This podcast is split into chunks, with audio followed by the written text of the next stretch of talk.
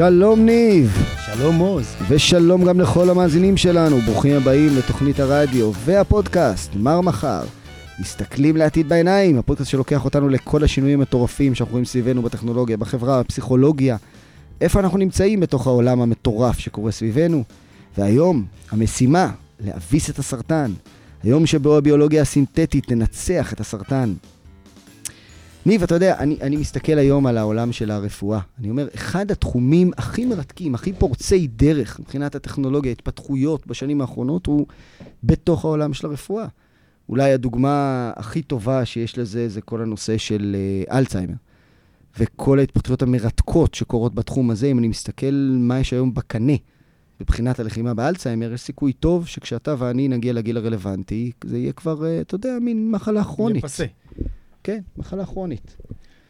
אתה יודע שיש uh, סיפור uh, על, uh, שאני מכיר חבר שלי, שהוא ואשתו uh, נכנסו לסבתא שלו, והיו איתה, והייתה חולת אלצהיימר, והם הלכו קצת לשבת בגינה ו- ו- ולשתות משהו, וחזרו לדירה, והסבתא אומרת לו, אה, זה טוב שבאת, תקשיב, אה, לא מזמן היה פה איזה זוג צעיר, תקשיב, נחמדים, אבל מרגישים בבית. לא מכירה אותם, מרגישים בבית. אז uh, אני חושב שזו מחלה נוראית, אבל אני אגיד לך את הצד השני שלי, שה... תמיד אני, הבשורות האלה, אני מאמין בהן, אגב, כמו שאנחנו אומרים פה במר מחר, אבל בסוף תמיד ההווה קצת טופח על פניי, טופ, טופח על פניי. אני מרגיש שמבטיחים, מבטיחים, מבטיחים, בסוף אתה מסתכל שמאלה-ימינה, אנשים מתים משבץ, סרטן, לא, אלצהיימר. מה אתה מדבר? כל סיבות המוות העיקריות שהיו לפני 100 שנה, או 200 שנה, נעלמו. כן, אומרת, אני, אני איתך במאה שנה. זאת אומרת, אני... תסתכל אפילו ברמת לפני uh, 30-40 שנה, דיכאון, היה נחשב משהו שאי אפשר לטפל בו. היום אנחנו יכולים לטפל. תסתכל על, על תחום שנדבר עליו היום, של סרטן. על שינויים שכבר היום קורים בשטח, שינויים. אבל אתה יודע, אבל למה אנחנו נדבר? בואו נציג את האורח שלנו, דוקטור ליאור ניסים. שלום, ברוך הבא. שלום, ותודה שהזמנתם אותי. איזה כיף. אז uh, אני אגיד ש... אני אספר למאזינים שדוקטור ליאור ניסים הוא מרצה בכיר בפקולטה לרפואה של האוניברסיטה העברית. ראש המעבדה לביולוגיה סינתטית, ועוסק בעיקר בהנדסה גנטית של וירוסים, עוד רגע נברר למה הכוונה, על מנת לפתח uh, טיפולים יעילים ובטוחים לאימונותרפיה של סרטן. עשה תואר ראשון בביולוגיה באוניברסיטת תל אביב, תואר uh, שני ודוקטורט במכון ויצמן ופוסט-דוקטורט במרכז לביולוגיה סינתטית של MIT. איזה כיף. כמה זמן היית שם? שש שנים. שש שנים. וואי, איזה כיף שחזרת לארץ. יש לי מלא חברים שנסעו לשם אבל לא חזרו לארץ. אז אני חייב לומר שהיה לי ברור שאני אחזור. אני מאוד שמחתי לחזור, אני חושב שבישראל הרבה יותר טוב. אני כל פעם אני אומר את זה, ואני קצת מרגיש שאני מאכזב אנשים. כי אני אומר, חבר'ה, בישראל הרבה יותר טוב. במה יותר ואז, טוב, אגב? אז סקרנות? תראה, אני חושב שהדברים היחידים שיותר טובים בישראל, להוציא זה שבארצות הברית יותר קל לעשות כסף גדול, אז אני כל הזמן אומר כזה, ואני, זה מין חצי בדיחה, שבישראל הדבר היחידי שיותר טוב זה האנשים, האוכל, מזג האוויר והנוף, והתרבות. זה הדברים היחידים שאני מעדיף בישראל על חו"ל. אני נורא אוהב את... אני אוהב נורא לחיות כאן. להיות הורה לילדים בישראל זה הרבה יותר טוב מאשר בארצות הברית. העובדה שאתה לא צריך למשל כל הזמן תמיד להיות איתם בקשר עין ושהם לא יתרחקו ממך ואתה יכול לתת להם לשוטט ולהסתובב ולהפוך להיות הרבה יותר עצמאיים, היא, זה, זה משהו שלא יסולא בפז. זאת אומרת, זה לא טריוויאלי במקומות אחרים. זה מאוד לא טריוויאלי. בארצות הברית אתה משגיח עליהם 24/7, הם מאוד לא חופשיים. לפחות, יכול, אני אומר ארצות הברית, כן, אני הייתי בבוסטון, אבל אתה רואה שאת הנוקשות המחשבתית, אתה רואה את הצורך ללכת בקו אחד מאוד ישר, לעשות דברים אך ורק לפי הנהלים. אתה יודע, שם אתה אומר, אבל למה? אומרים לך, כי זה הנוהל, ומבחינתם נתנו לך הסבר מלא, כן? למה, למה אתה שואל שאלות? זה הנוהל. כן, זה הנוהל, זהו. כי ככה. כי ככה זו תשובה מנומקת להפליא. צריך להגיד שגם השמירת חוק שם, שוב, זה לא, הסדרה, זה לא הסדרה שלנו כרגע, אבל יש לי גם, אני טסתי בארצות הברית בכל מיני תרגילים אוויריים, ואתה מגיע שם לסיקס פלגס, סתם אה, לונה פארק, ואתה מגיע למקום שבו אין תור, היינו באיזה יום, לא יודע מה היה, אין, אין אנשים, כזה רכבת הרים, אין תור. אתה עומד בכניסה, אז היא אומרת לך, לא, לא, לא, לא, לא. לך חזרה, תלך את כל הנחש. אתה אומר, אבל אין פה אף אחד. אומרת לו, נוהל. לא, עד שאתה הולך לבד, כל הנחש חוזר אליי, מוכן לקבל אותך. כן, זה אבל ככה. זה הצד הרע, יש צד טוב של זה. כן, אבל, אבל לפני שנלך לצד הטוב ולצד הרע, במקום ללכת לצד הטוב במקום, ולצד הרע, כן. אני ארצה אה, לשאול את ליאור, קודם כל, תספר לנו במילה, איך בכלל הגעת להיות חוקר של ביולוגיה סינתטית? אם אני לא טועה, תקן אותי אם אני טועה, בארץ אתה בעצם די האב המייסד של התחום הזה. אה, אז ככה, אז אני אספר הכל, האב המייסד, אני חושב שזה overstatement קצת, אבל זה מתחיל ככה. הסיפור של בכלל מה שאני עושה לא מתחיל היום, ולא מתחיל בתואר ראשון. מתחיל לפני 40 ומשהו שנים. אה, אני גדלתי ביפו, בן למשפחה מאוד מאוד ענייה. אה, הורים אה, שעבדו, אבא סבל, אימא שעבדה בניקיון, ובגיל שלוש אימא שלי נפטרה מסרטן. וכשזה קרה, אני החלטתי שאני לא יודע מה זה, אני לא מבין בזה, אני ראיתי שהיא סבלה ואני ראיתי את הצלקות מהניתוחים, אבל ידעתי שזה מחלה, ידעתי שאני לא מבין מה זה, אבל החלטתי שאני את הדבר הזה מחסל. אה, וזהו, ומסתבר שהייתי קצת עקשן. אז אה, כבר, אתה אומר, הייעוד שלך היום, כבר בגיל שלוש אתה אמרת, אני הולך לחסל את הסרטן. כן, כבר בגיל שלוש ידעתי שאני את כל החיים שלי מכוון לשם. ואיך זה התבטא? זאת אומרת, אז- כילד, כנער, מה, מה עשית? אז כילד התמקדתי במדעים, אה, בטבע. אה, כבר בכיתה ד' צירפו אותי לשיעורי טבע של כיתה ו', בעיקר כדי שאני אפסיק להפריע בשיעורי טבע של כיתה ד'. אחרי זה בתיכון הלכתי ללמוד בבויאר, אם אתם מכירים. ודאי. מקום באמת מדהים, מוסד חינוכי מפואר. אה, גם שם, מגמה לביולוגיה וכימיה. אה, ואתה אחרי זה- בוחר מגמה לביולוגיה וכימיה מתוך המחשבה הזאת שאתה הולך שאני הולך, בסרטן. אני הולך לבויאר משם, ואני הולך למגמות האלה בגלל זה. בצבא אני עושה פאוזה, ובמקום ללכת אה, ליחידות טכנולוגיות, אה, הלכתי לגבעתי, אה, מתוך התעקשות אה, ואידיאולוגיה גם כן. אה, מעשה שהיה טיפשי באופן מפואר, שאני לא מצטער עליו עד היום, וכנראה הייתי עושה שוב. אה, מזדהה איתך, גם אני הלכתי לחי"ר מאותה כוונה, והייתי גאה להיות חייל יהודי בארץ ישראל. בדיוק. היה רע לתפארת, כן. וכן, אבל uh, אני לא, חושב. שזה גם נותן לך פרופורציות וכוחות והבנה מה זה בכלל קשה ומה זה לא קשה, וזה מאוד עזר לי אחרי זה. Uh, כשהשתחררתי והלכתי ללמוד תואר ראשון, והייתי צריך לממן את עצמי, אז גם עבדתי תוך כדי לימודים. אז בלילה מוצלח הייתי ישן ארבע וחצי שעות, נרדם בחצי מהשיעורים. אה, היה שמח, אבל אחרי הצבא זה לא נראה לי כמו איזה משהו קשה, זה היה הכי קל בעולם, עושים את זה. אה, וזהו, משם תואר, אז גם שם את כל הקורסי בחירה הלכו לכיוון של סרטן, אה, וכבר שם היה לי חוסר נוחות מסוים מביולוגיה, ואני תכף ארחיב על זה. ואני הולך למכון ויצמן, עושה תואר שני, אה, במחלקה לביולוגיה מולקולרית של התא, אצל פרופסור ורדה רוטר, מדענית באמת outstanding, ממש. אחת מהחוקרות החשובות בתחום של סרטן, אה, עושה מחקר בסיסי. הבנה של המנגנונים שגורמים סרטן ואיך הוא מתפתח. בואו רגע נגיד מילה ו- למאזינים. מחקר בסיסי, הכוונה מחקר שלא המטרה שלו לפתח טיפול מסוים או תרופה מסוימת, אלא באופן כללי להבין את העולם.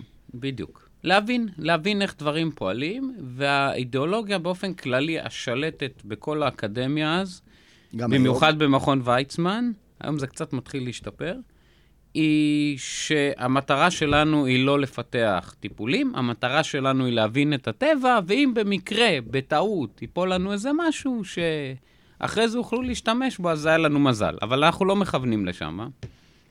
ואני פחות התחברתי לסיפור הזה, כי אני זה באתי פחות לרפא סרטן, כן. יש לך מישן. אני באתי לרפא סרטן. כמו, אני חושב, אמרתי לכם בשיחת הכנה, זה כמו באחים בלוז, הם הולכים ואוספים את הלהקה והם באים ואומרים, We are in a mission from God, אז זה.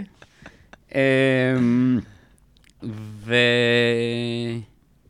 והחלטתי זה לא מה שיביא פתרון, ואני לא מדבר עם טרוריסטים ולא רוצה להבין אותו, את התא הסרטני שהייתה לו ילדות עשוקה או שאבא שלו עבר מוטציות, אני רוצה לחסל אותם. ובשלב... אנלוגיה יפה מאוד, באמת. בשלב הזה אמרתי, טוב, הצורה שהביולוגים חושבים, היא, היא לא מסתדרת עם הצורה שאני חושב. אז אני בעיקרון, זה שאני ביולוג זה תקלה. אני הייתי אמור להיות מהנדס אלקטרוניקה, ככה אני חושב, כן? אה, ואני צריך למצוא מקום שיאפשר לי את הביולוגיה שאני עושה לעשות בצורה שאני חושב, שיותר הנדסית. כשאתה אומר, הייתי צריך להיות מהנדס, למה הכוונה? הכוונה היא שצורת החשיבה שלי היא לא צורת חשיבה אה, ביולוגית קלאסית של בוא נבין, היא איך אני בונה את הביולוגיה ומשתמש בה כדי להגיע למטרה שלי. אני בונה לא את הביולוגיה. להבין, כן, בונה. איך אני משתמש בביולוגיה כדי שהיא תעשה את מה שאני רוצה, לא כדי שאני אבין אותה. זה ממש הנדסה של ביולוגיה. ממש הנדסה של ביולוגיה, בדיוק זה. אה, ואני החלטתי שאני צריך כלים חדשים וצורת חשיבה חדשה, והחלטתי שאני הולך לעבוד עם פיזיקאים. אז הגעתי לרועי בר זיו, אה, פיזיקאי, מחלקה לחומרים ופני שטח, בוויצמן. בוויצמן, אה, ואמרתי לו, תקשיב, אני, אני חושב שאני צריך לעשות אצלך ביולוג... אה, דוקטורט, נראה לי שהמעבדה שלך מתאימה לי, הנה ה-CV שלי והנה גיליון הציונים. הוא לא לוקח את זה, הוא אומר לי, תשכח מזה, אין מקום. אני אומר לו... I'm on a mission from God. כן, אני, אומר לי, "אה, אני עד היום מזכיר לו את זה, והוא התפוצץ בצחוק, שאלה היו המילים הראשונות ששמעתי ממנו. אמרתי לו, טוב, בסדר, אבל בוא נדבר, אני כבר כאן. אז התחלנו לדבר, והוא מספר לי מה הוא עושה, והם עובדים שם, דרך עבודות יפהפיות, אה, שהבסיס שלהן הוא יכולת לצרוב DNA ברמה של, ברמת דיוק של ננומטר על משטחים, ולייצר מזה כל מיני אה, בתי חרושת של חלבונים, ויכולת לעשות רגולציה מאוד מאוד אה, יפה של דברים. הם בנו ריבוזום מלאכותי שם לאחרונה. רק אה, נגיד שוב. למאזינים, ריבוזום, הכוונה למפעל האנרגיה של התא, נכון? אה, מפעל החלבונים של התא. אה, נכון, אה, נכון. אם, אתם זוכרים, סליחה. אה, עדה יונת נכון. פענחה את כן. המבנה של הדבר כן, הזה וקיבלה על זה פרס נובל. אז רגע, בוא נדייק, כי אני טעיתי קודם. ריבוזום, הכוונה מה שלוקח את ה-RNA, מה שיוצא מהגרעין, והופך אותו לחלבון. נכון. כן. אה, הוא בעצם לוקח את התוכנה והופך אותה כבר לחומרה. אה, ובאמת, דברים יפהפיים. ויש היום ריבוזום מלאכותי שיכול אה, לייצר כמעט כל חלבון? במעבדה של רועי בר זיו הם בנו ריבוזום מלאכותי. מדהים. שהוא הוא גם מרכיב את עצמו לבד, הדברים שהוא עושה שם, באמת, הם אה, מדע בדיוני. אה, ובשלב הזה אני אומר לו, אנחנו מדברים, הוא אומר לי, אתה יודע מה? הנה מה שעשיתי בפוסט. אה, מדובר בעצם בלקחת אה, תמצית של חיידקים שמכילה את כל החלבונים וכל הבתי חרושת וכל מה שצריך כדי לייצר אה, בעצם חלבון מ-DNA. אתה זורק לבפנים DNA, זה מתחיל לבטא, בזמנו, אנחנו מדברים כאן לפני איזה, על 2004, על, זה היה באמת פריצת דרך, מה שהוא עשה גדולה מאוד, עוד לפני שהתחילו את כל המבנים הננומטריים, והוא אומר לי, אם יש לך רעיון מה לעשות עם זה, תגיד לי. אז אני מזכיר, תמצית של חיידקים וזהו, כן? אפילו לא יצור חי. מה זה תמצית? זאת אומרת שמפרקים אותם ונמצאים רק החלקים שלהם. אותם, כן, מפרקים אוקיי. אותם. מפרקים, מסננים, לוקחים את, ה... את כל הבתי חרושת שלהם. אה, אני חוזר אליו, אה, אחרי כמה ימים, ואומר לו, טוב, באמת, יש... אני נורא אוהב את זה, אנחנו... הוא אומר לי, ומה נעשה את זה? אמרתי לו, אנחנו נרפא סרטן. מסתכל עליי במבט. כזה של אתה תחכה כאן, ואני אלך לקרוא לאנשים בחלוקים הלבנים. אה, והוא אומר לי, מה? אז אני אומר לו, תקשיב, יש לך שם מערכת, כן, דבר אחד שתפס לי את העין, כן? יש לך מצב אחד שבו אתה צריך לשים שני דברים בו זמנית כדי לקבל ביטוי של חלבונים. עכשיו, אני, תזכרו, ביולוג לא חושב כמו מהנדס רגע, אלקטרוניקה. קח אותנו אחורה שוב, לטובת מי שלא למד ביולוגיה. מה הכוונה, יש שם שני דברים שצריך לזהות חלבונים? יש לך מערכת שכדי, אני אפילו בכוונה לא נכנס לפרטים, יש לך יופי, מערכת שאתה צריך. להכניס לה שני סיגנלים כדי שהיא תפעל. אוקיי. ואם אתה מכניס רק סיגנל אחד, אז היא לא תפעל. ומי שמהנדס אלקטרוניקה יודע שמדובר ב-end gate. כן. אני אפילו לא הכרתי את המושג. אז בעצם יש לך שני סיגנלים, שני דברים שקיבלתי, שני רמזים, אז המערכת פועלת. כן. ואז, ואם לא, אז לא. ואז למה היא פועלת? היא בעצם מזהה כי ככה זה? בנוי, זה... לא, לא, זה עוד לפני סרטן. אנחנו שוב, אנחנו מדברים אנחנו על עוד לפני. החיידקים. אוקיי, מעולה, יופי. אז הוא אומר לי, נו ו... אמרתי לו, תקשיב, היום, כשמ... זה ההתחלה של ההתחלה של. קצת תרפיה גנטית, וקצת אה, כבר להשתמש. בווירוסים וב... ובדברים מהסוג הזה כדי לזהות ולהרוג תאים סרטניים, זה באמת בחיתולים. וכולם עושים את זה, ואת הטעם הסרטני הם מזהים על פי אינדיקטור אחד בלבד. וזה לא מספיק מדויק, כי כשאתה מזהה לפי אינדיקטור אחד בלבד, אתה חצי מהזמן, בגלל שהביולוגיה היא איזה סוג של בלגן שמח, מזהה תאים נורמליים כאילו הם סרטניים, Hmm. וזה עושה צרות. אה, ואני אומר לו, אנחנו נבנה מערכת, יש לי רעיון לרשת גנטית מסוימת, שאנחנו נבנה, שהיא תערובת של חלקים משמר, מווירוס, מבני אדם ועוד כל מיני דברים כאלה. הרשת הזאת תזהה תאים סרטניים לפי שני אינדיקטורים ולא לפי אחד. ורק אם שני האינדיקטורים הסרטניים קיימים בו זמנית בתא, אתה יזוהה כסרטני. כמה עכשיו, זה מעלה את הדיוק? המון. עכשיו, עד כמה זה מעלה את הדיוק, אז אני אתן דוגמה, כן? אם... אני אתן את החישוב ואז אני אתן דוגמה.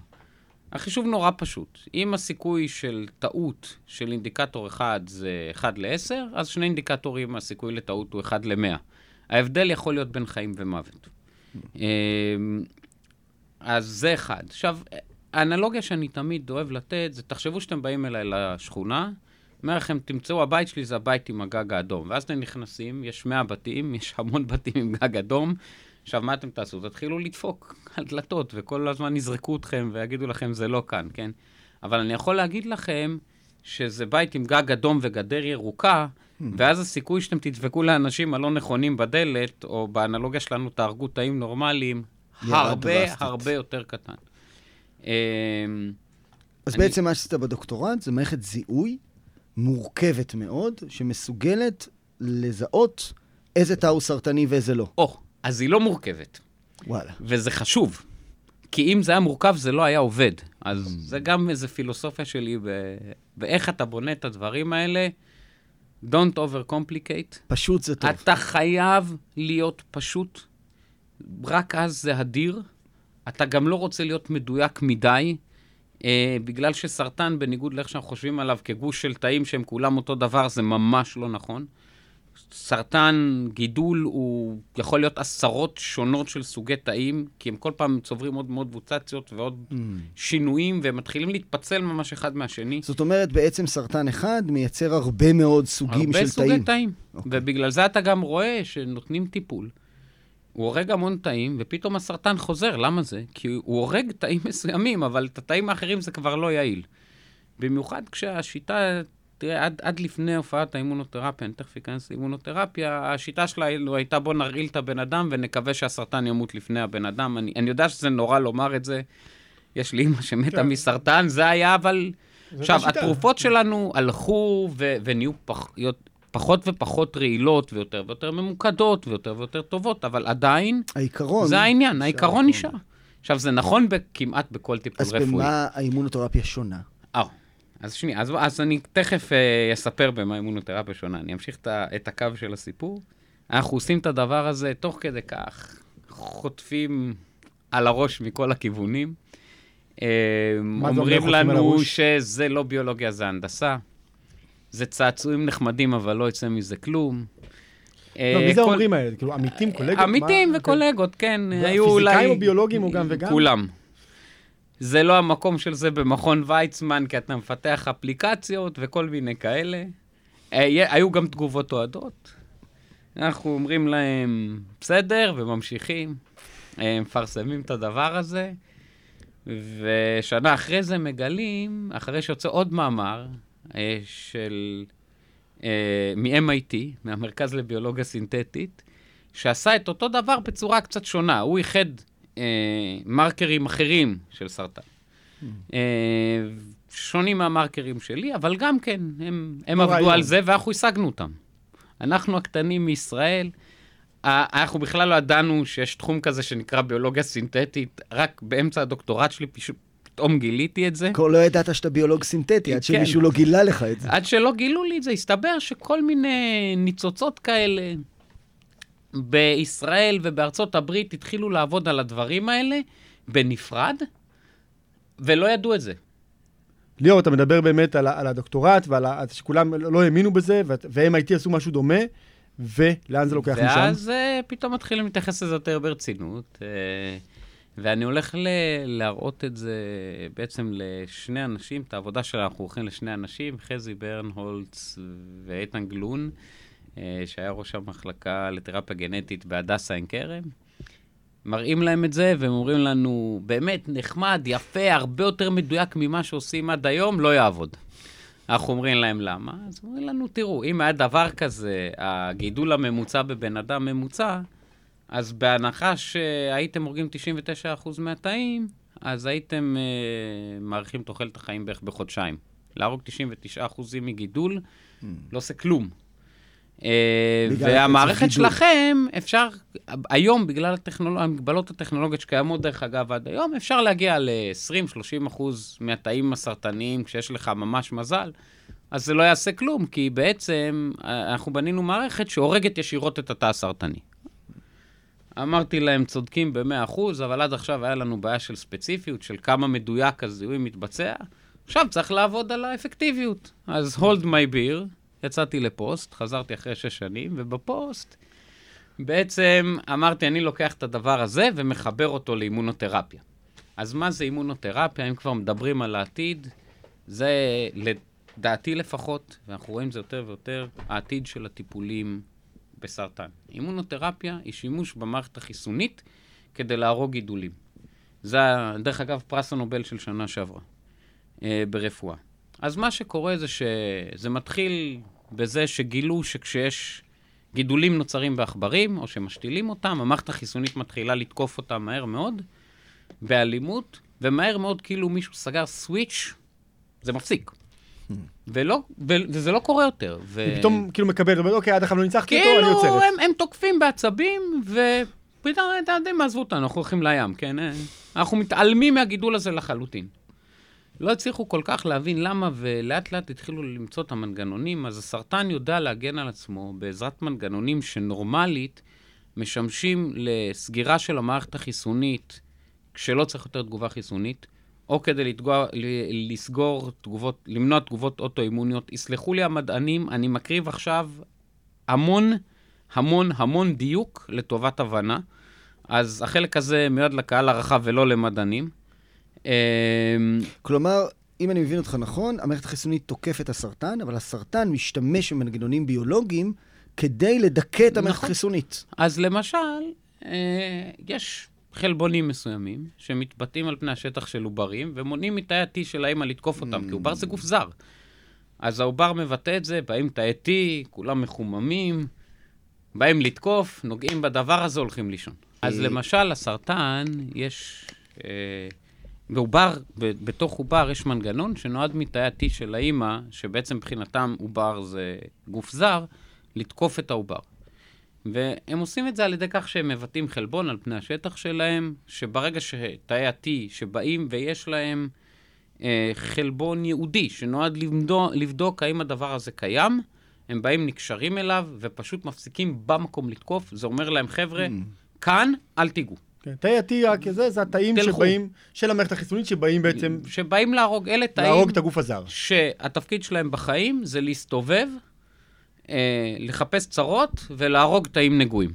אוקיי? מסתובבים בין התאים, מבקשים תעודות זהות, מי שלא מוצא חן בעיניהם, הם מחסלים אותו. ו... אה, ו... ו... והתאים הסרטניים, פתאום, מתחילה תקיפה של תאי T, ופתאום הם מתחילים לבטא את הדבר הזה, ותאי ה-T הולכים לישון, ואתה ממש רואה בפריפריה של הגידול, הר... הרבה פעמים ערימות של תאי T שהיו יכולים לבוא ו- ולהרוג, והם לא עושים כלום. אז אה, אתן דוגמה של מלנומה. לקחו אה, והחליטו בעצם שאולי אפשר לקחת איזה שהם נוגדנים, או דברים אחרים, שיחסמו את הקישור הזה של תאי ה-T לסיגנל שאומר, אל תהרגו, ובואו נראה מה קורה. אז מלנומה, 30 שנה של מחקר, העלו תוחלת החיים של חולה מלנומה גרורתית באיזה חודשיים. כלום. ושום דבר לא עזר. סרטן אולטרה אלים. Uh, ברגע שהוא מגיע לגרורתיות, זהו. Uh, שישה חודשים בערך של תוחלת חיים. נותנים את הטיפול הזה, בום. בן לילה הסיפור הזה השתנה. Uh, טיפולים אימונותרפיים שהם קומבינציה של זה ועוד כל מיני דברים, ניתנים לחולים. דבר נורא מעניין, הדברים האלה ניתנים סיסטמית, אז תכף אני מחבר את זה חזרה למה שאני עושה היום. כבר היום הטיפולים האלה פעילים? פעילים בסל התרופות, אה, כבר אה, נוטים להתחיל אה, לחשוב לשים אותם כקו ראשון של טיפולים. אה, מדהים. אני... ואיך המחקר שלך מתחבר לזה? אז יפה. אז את הדברים האלה נותנים סיסטמית. וכשנותנים סיסטמית משהו שגורם לכל המערכת החיסונית לפעול, אז המערכת החיסונית מופעלת בכל הגוף. Mm. וכשהיא מופעלת בתוך, בכל הגוף, מתחילות צרות. אז... אה, מה, זה צרות, תגובות אלרגיות וכן הלאה? תגובות אוטואימוניות מאוד קשות שיכולות להרוג.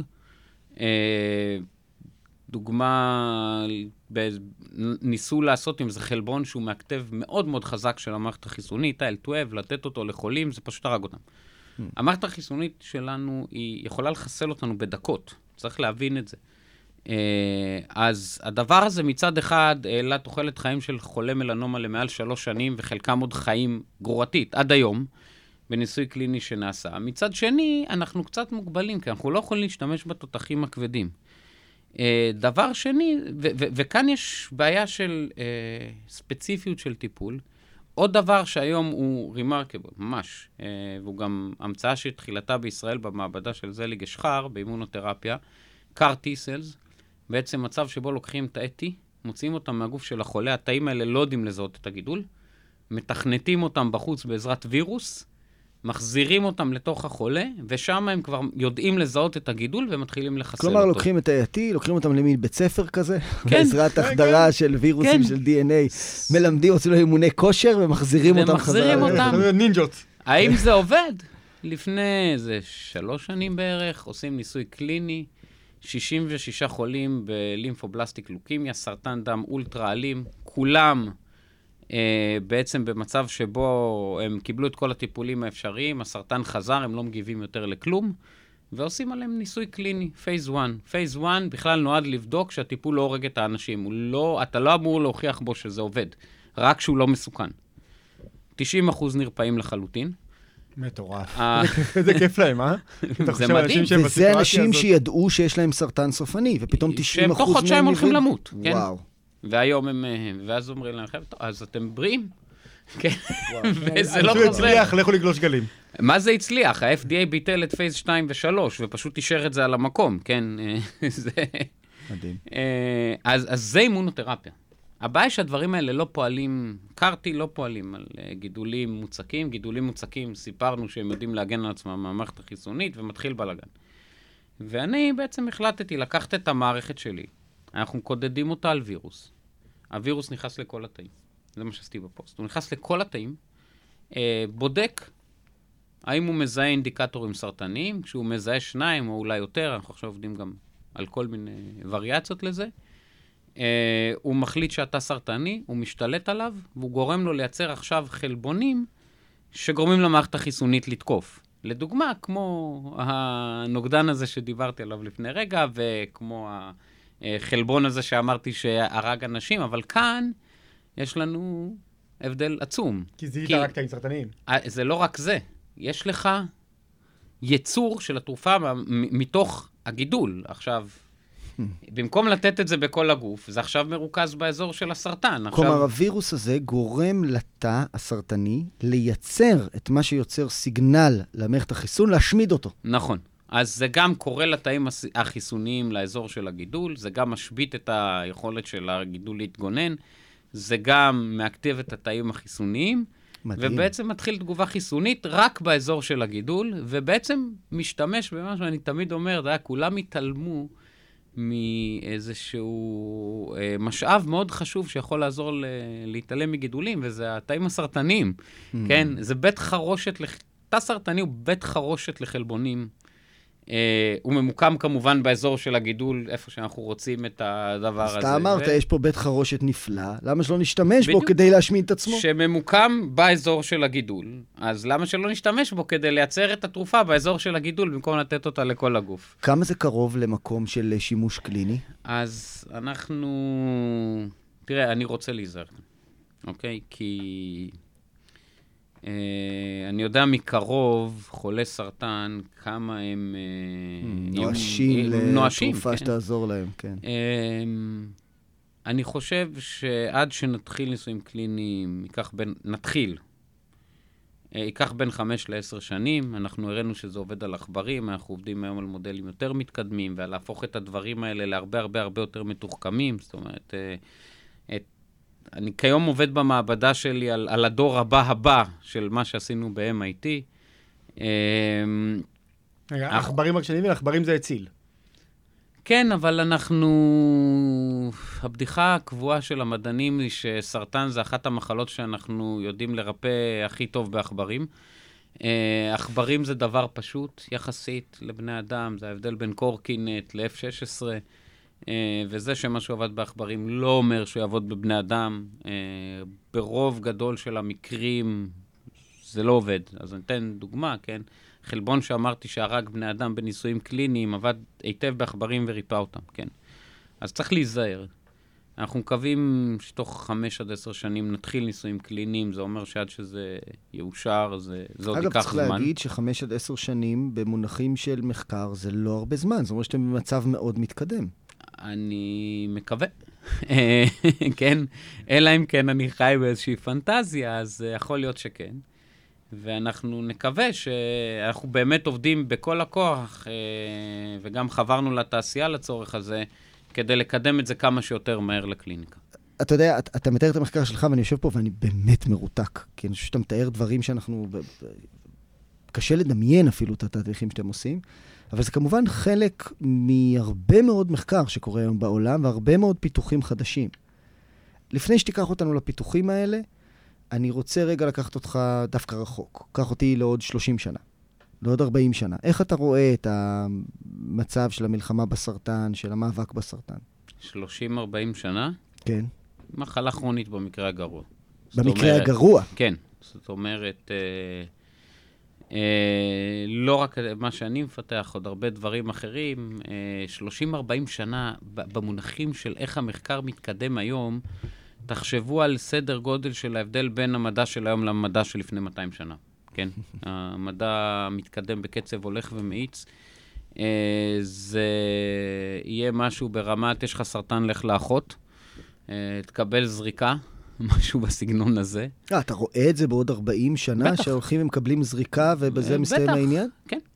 כן, אז אולי, אה, אולי אני מגזים עם זריקה, אולי אתה תצטרך לבוא לקחת כמה זריקות, ואולי אפילו תצטרך לקחת איזה, לא יודע, חודש אה, אה, הפסקה מהעבודה, אם הסרטן שלך באמת אה, מוגזם ואלים, אבל אה, כן, לדעתי, ויכול להיות שאני אופטימי, אני טיפוס אופטימי מטבעי, אה, סרטן לא הולך להיות בעיה, ואם אני... מדהים. אז כמו שניצחנו את האבעבועות שחורות, אתה אומר, אנחנו גם בדרך ננצח את הסרטן. אנחנו לא רק ננצח את הסרטן, אנחנו ננצח הרבה יותר מזה. זאת אומרת, אה, כן, תסתכל על מוות, מוות הוא גם כן סוג של איזה מחלה שלדעתי, טוב, לא עוד 30-40 שנה, אה, שאז תוחלת החיים כנראה תעלה משמעותית, אבל תיקח 200, 300 שנה, גם זה אה, כבר אה, יפסיק להיות איזושהי בעיה, כנראה. אה, אנחנו, המדע מתקדם לכיוון הזה. היכולת שלנו לעשות מניפולציות גנטיות, היכולת שלנו לבנות דברים חדשים בביולוגיה, לשפר את עצמנו, גם אלקטרונית, דרך אגב, היא כזאת שכשאתה מסתכל למשל על, על, על מוות, על זקנה, אתה אומר, תראה, פיזיקלית אין סיבה שנמות. זאת אומרת, כן, אנטרופיה ו- וכולי, אז אני משטח דברים, אבל אה, אם אנחנו נדע איך להתגבר על הדברים האלה, ואנחנו לאט לאט מבינים אותם, אין סיבה ש, שבאמת שלא נחיה איזה 300 או 400 שנה, ולא רק שנחיה 300-400 שנה, אלא שגם הגוף שלנו יהיה צעיר. אמ, ו, ושוב, תחשבו על, כשאתם, כשאתם מסתכלים על עתיד הביולוגיה, על עתיד הרפואה, תחשבו על מישהו מלפני 200 שנה, נכנס לחדר ניתוח היום, אה, רואה טיפולים אימונותרפיים, רואה מיקרו-כירורגיה, רואה רובוטים, רואה MRI. זה, זה מה ש... זה, זה, זה, הרפואה, זה מה שאנחנו נסתכל על הרפואה של עוד 50-60 שנה. ככה אנחנו נסתכל על זה. ואם אתה מדבר על עוד 300 שנה, אז, אז אתה כבר במקום שהוא שונה לגמרי. אתה בחזית של המחקר של הסרטן. אתה יכול להגיד לנו איזה פיתוחים מבחינתך כרגע הם החוד של החנית במחקר הזה שיובילו אז, אותנו להצלחת המשימה שלך? אז אני חושב שהאימונותרפיה, לראשונה מזה הרבה זמן, הופכת את העניינים לקצת יותר אופטימיים. אנחנו עדיין לא שם. אנחנו עדיין לא לגמרי יודעים איך לעשות את זה. בגידולים מסוימים זה מאוד עובד, כרגע זה מאוד מעריך חיים. אה, גידולים כמו מלנומה, שיש בהם המון מוטציות, אז כשיש הרבה מוטציות וטעויות ב-DNA, אז uh, ככלל אצבע, זה לא באמת נכון. Uh, הטיפולים האלה עובדים יותר טוב. יש מה שנקרא גידולים חמים וגידולים קרים. גידולים חמים, האימונותרפיה עובדת נגדם טוב, גידולים קרים קצת פחות מה טוב. מה הכוונה חמים? חמים זה אומר שהם גורמים לתגובה חיסונית.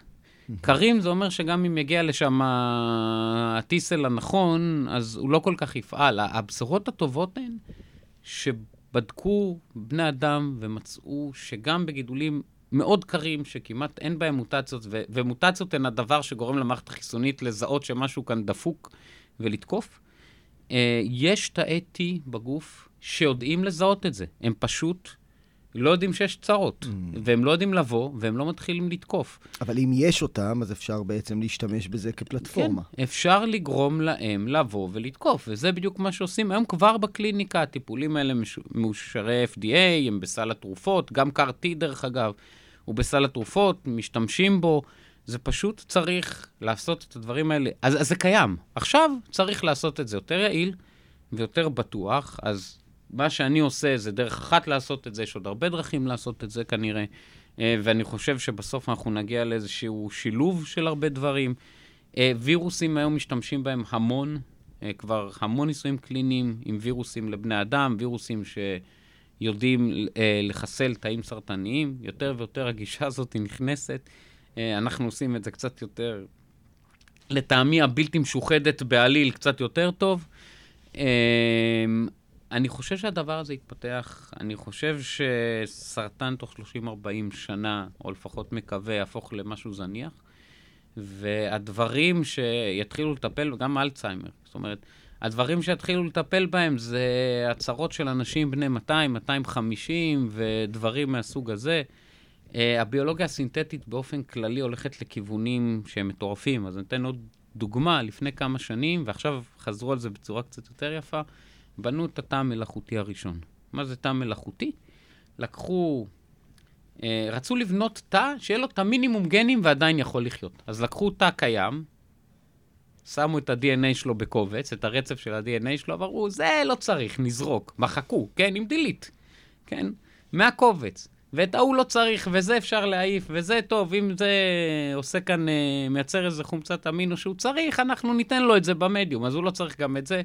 וככה חתכו הרבה דברים החוצה. את הקובץ הזה שלחו לסינתזה כימית של DNA, קיבלו בחזרה מבחנה, שלחו קובץ באימייל, קיבלו בחזרה מבחנה בפדקס, הוציאו את זה בצורה מאוד פשטנית, לקחו חיידק, הוציאו לו את כל החומר התורשתי, דחפו את זה פנימה וקיבלו משהו חי. אז אתם מדברים כאן על תאים חיים שהם יודעים להסתובבים. אנחנו יודעים להדפיס, זאת אומרת, מה, מה שאתה אומר... אנחנו יודעים לסנטז. זה שנוכל בעתיד בעצם ליצור איזה תאים שבא לנו. נכון, זה בדיוק העניין. עכשיו, אני, באמת, כשאנחנו מסתכלים על ה vision הבאמת גדול, לא, לא לעתיד הקרוב, לא 30-40 שנה, בוא נדבר על עוד 200 שנה. אתה מדבר כאן על לייצר מערכות ביולוגיות שידעו אה, לעשות חישובים, על מחשבים ביולוגיים, על מוחות ביולוגיים שמסוגלים לעשות בסופו של דבר חישובים שהם פרלליים, ש- שמחשבים הם יודעים לעשות הרבה פחות טוב, אני לא אכנס לזה. אתה יודע, אתה לא צריך להטיל 200 שנה, כי מה שאתה אומר על עוד 30 שנה, הוא דבר מדהים, כי אתה אומר, תסתכל על ה-200 שנה האחרונות. המחלות העיקריות שהטרידו את האנושות התחלפו. נכון. הרי לפני 200 שנה לא מה שהעסיק את הנשים זה התקף לב וסרטן וסכרת. המחלות התחלפו. למה? כי פתרנו את המחלות הקודמות. אתה אומר לי, ה-30 שנה הקרובות הם אקביוולנטיות ל-200 שנה הקודמות. ל-100-200 שנה. ויכול להיות שעוד 30 שנה, הבעיות שיעסיקו, הבעיות הרפואיות שיעסיקו את העולם יהיו בכלל בעיות אחרות. נכון. ואני חושב שיותר ויותר אלה יהיו כבר בעיות של איכות חיים והארכת חיים. אה, שוב, לד... לדעתי... השתלת שיער אולי תהיה.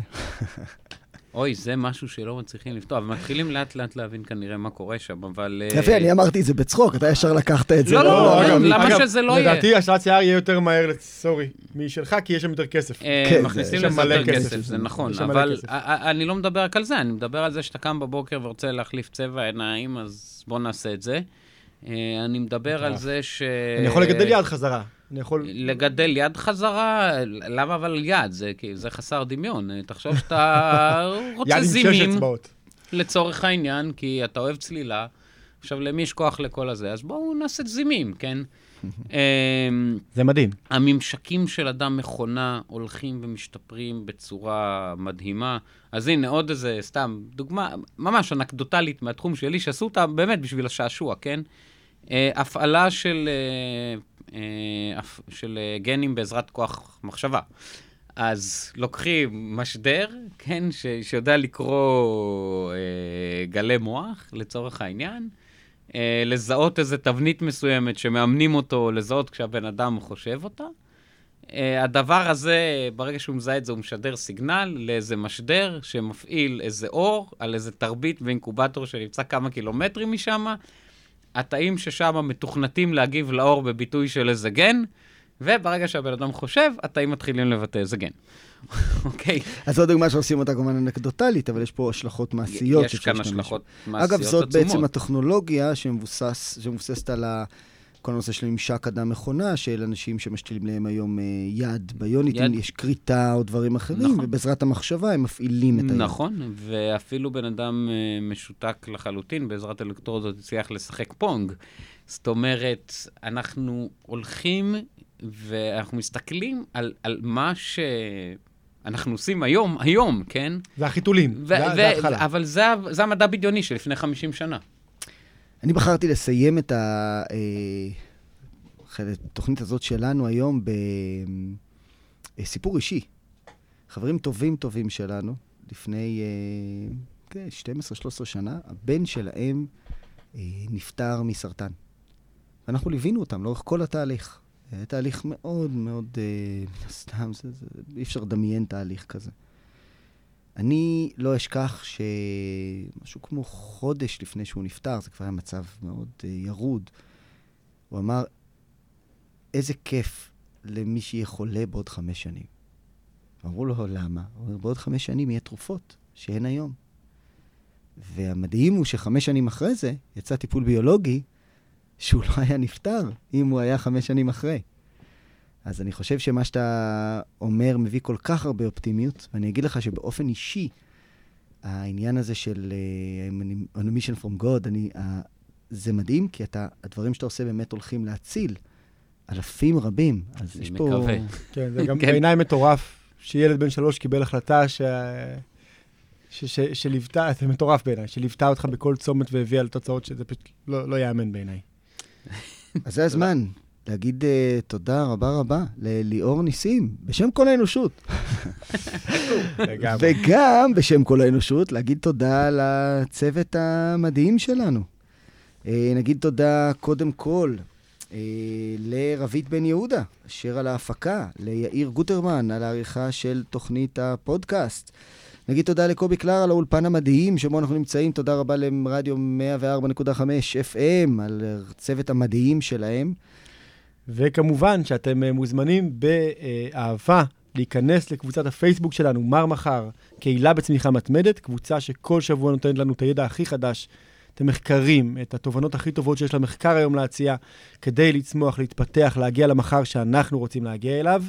וגם נזמין אתכם uh, להיפגש איתנו, אצלכם, בארגון, אצלכם בעולם שלכם, כי אנחנו משתדלים להביא את החדשנות הזאת לידי ביטוי בפרקטיקה, וניב, אני חשבתי שהיום ראוי להגיד משפט אחד על אחת ההרצאות האהובות עלינו, שנקראת מזמינים אתכם לזוז, עוסקת בממצאים, אני אספר לך, ליאור, הממצאים הכי uh, חדשניים שיש בנושא הזה של מוטיבציה. אנחנו תמיד אמרו לנו דברים מסוימים על מוטיבציה, אבל אני מסתכל על המחקר של ה-15 שנים האחרונות, הכיוונים הם אחרים לגמרי. איך מניעים אנשים, באיזה צורה, אנחנו מגלים שהרבה דברים שהם מיתוסים בעצם לא קורים כשאנחנו uh, בודקים אותם בפועל. אז אתם מוזמנים, 054-8118-741, שיהיה לכם יום מקסים.